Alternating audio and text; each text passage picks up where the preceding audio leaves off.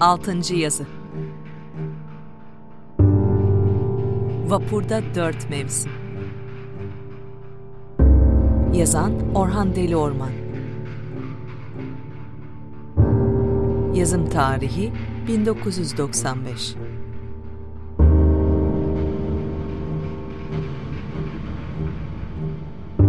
Okuyan Sanat Deli Orman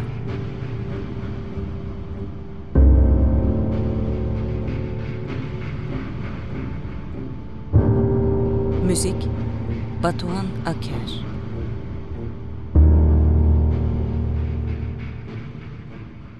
Akşam vapurunda geç saatler.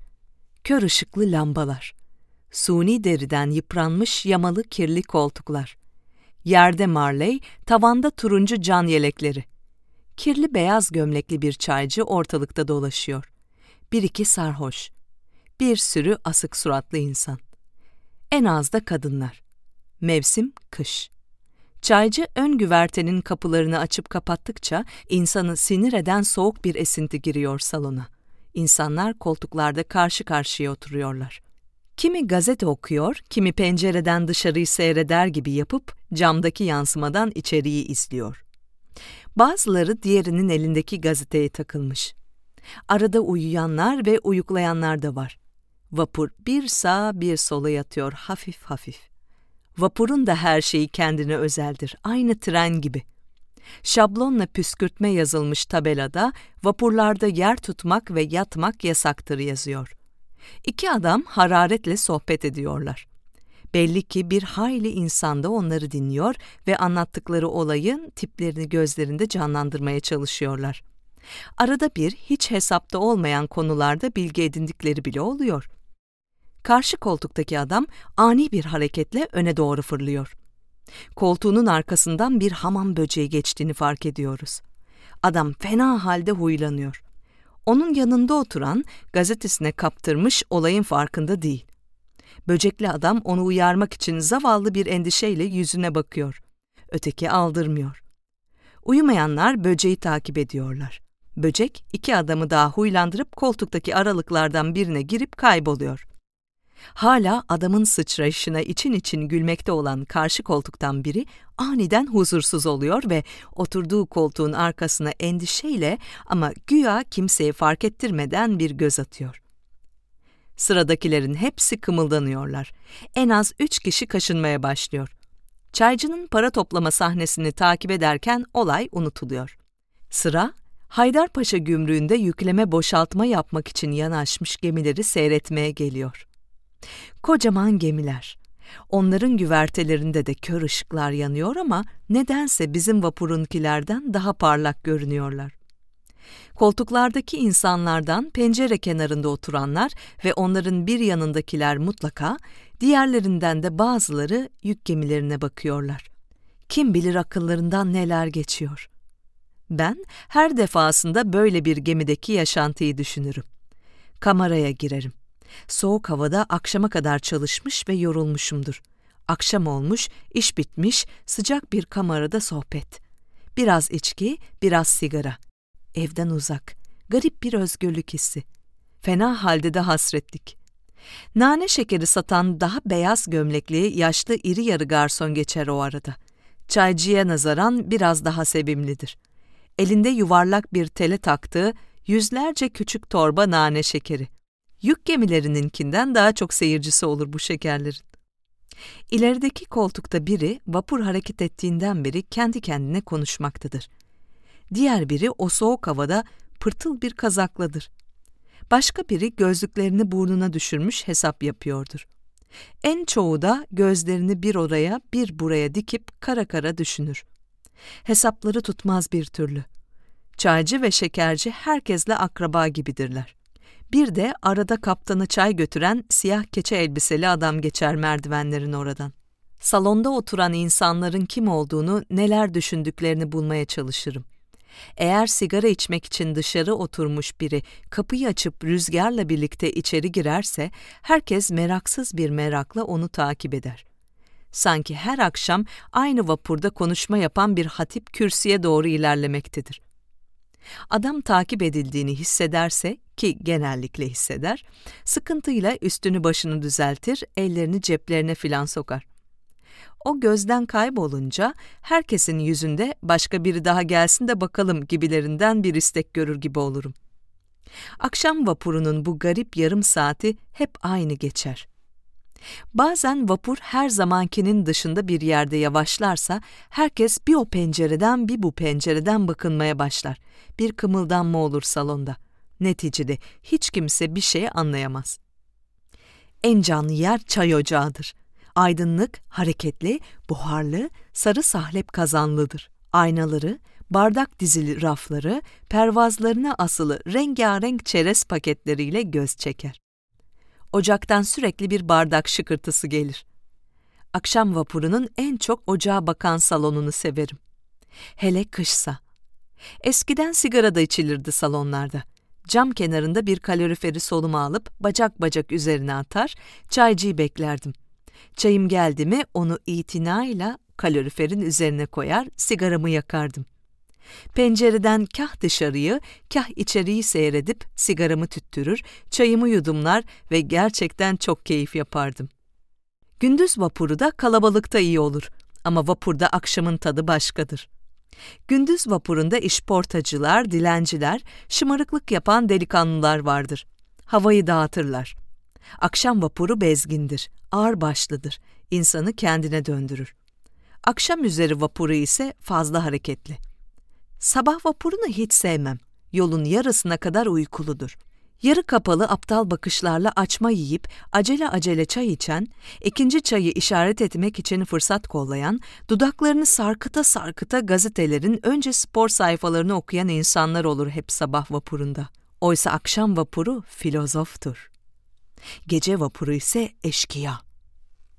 Akşam üzeri vapuruna eğer Eminönü'nden binerseniz hiç tanımadığınız malların tüccarları vardır. Ayak üzerinde birbirlerini kazıklamaya çalışırlar durmadan.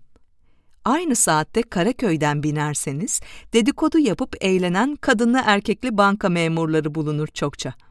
Ya da daha çok onların sesleri duyulur. Beşiktaş vapurunda ise üniversite talebeleri. Öğlen vapurları hiç çekilmez. Karaktersizdirler. Çaycıları uyuzdur. Sonra gündüz vapurlarındaki çay ocakları da denizden çıkmış kaya balıklarına benzer. Renkli mi, renksiz mi anlaşılmaz. Yolcu azdır. Kışın tenha salonlar sıcak olsa bile üşür insan öğlen vapurunda. Vapur yolcusu olmanın en can alıcı tarafı vapura inip binme sahneleridir.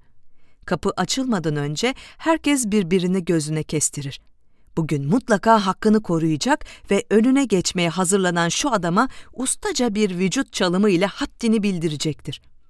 Oysa kapı açıldığında sürprizler başlar.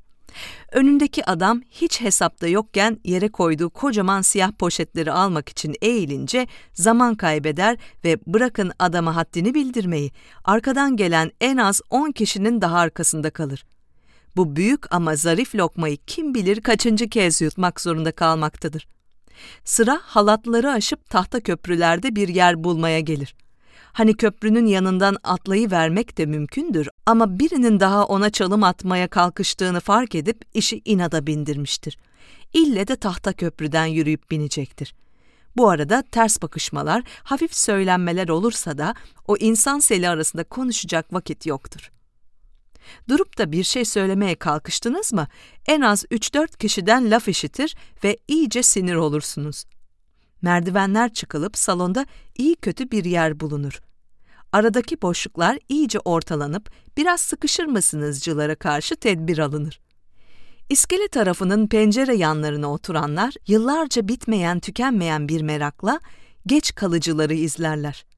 Bu izlemenin en keyifli yanı birazdan kapıların kapanmasıyla birlikte camlara sinekler gibi yapışıp kapı görevlisine önce kapıyı açması için yalvaran, açmayınca da bir takım mimiklerle onu lanetleyen yolculardır. Onların çırpınışlarını ve kim bilir kaç kez iyilik edeyim derken başı derde girmiş olan görevlinin acımasız tutumunu vapurun içinden izlemenin keyfine doyum olmaz doğrusu. Bazen ek olarak bir de hararetli tartışma çıkar.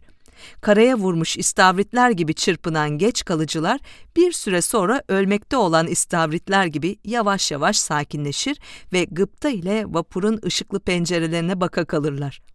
Neredeyse yarım saat kaybetmiş olmak yüzünden suratlarında öyle açıklı bir ifade oluşur ki kendimi deniz aşırı bir yolcu, onları da gözü yaşlı uğurlayıcılar gibi hissederim. Sonra salonları masalı ve koltuklu vapurlar vardır.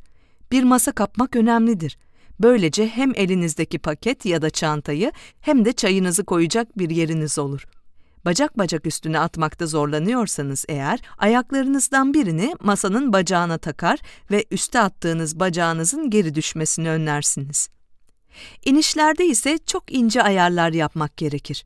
Koltuktan kalkmanın zamanını iyi seçmelidir. Yoksa aşağı inildiğinde kalabalığın tam ortasında görüş mesafesiz bir yerde sıkışır kalırsınız. Sonra aşağıda iyi bir mevki bulmanız da yeterli olmaz.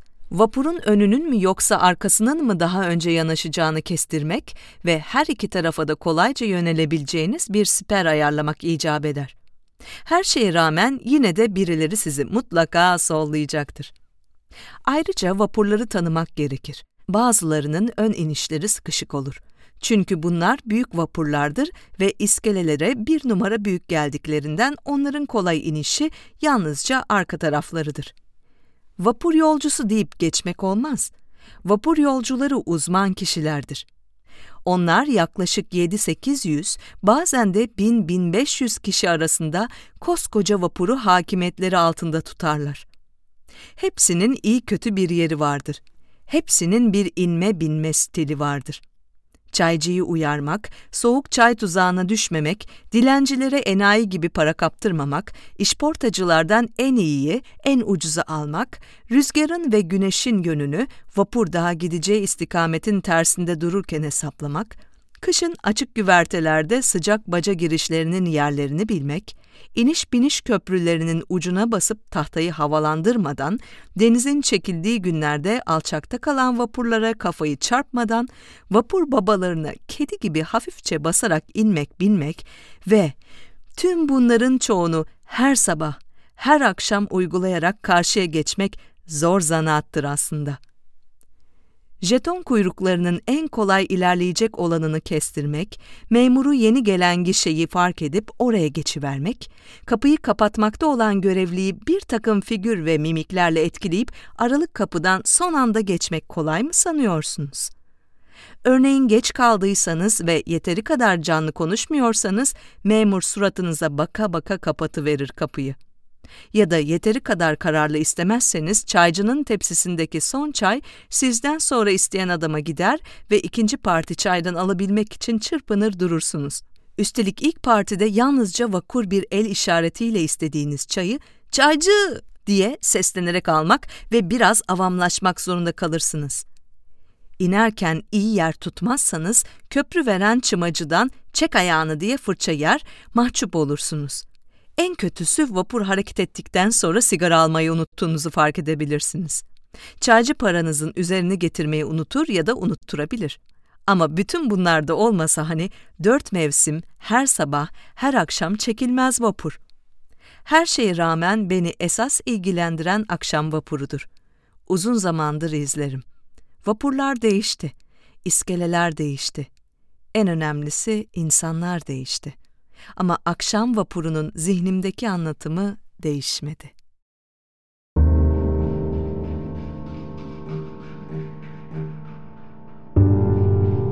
Altıncı yazı. Vapurda dört mevsim.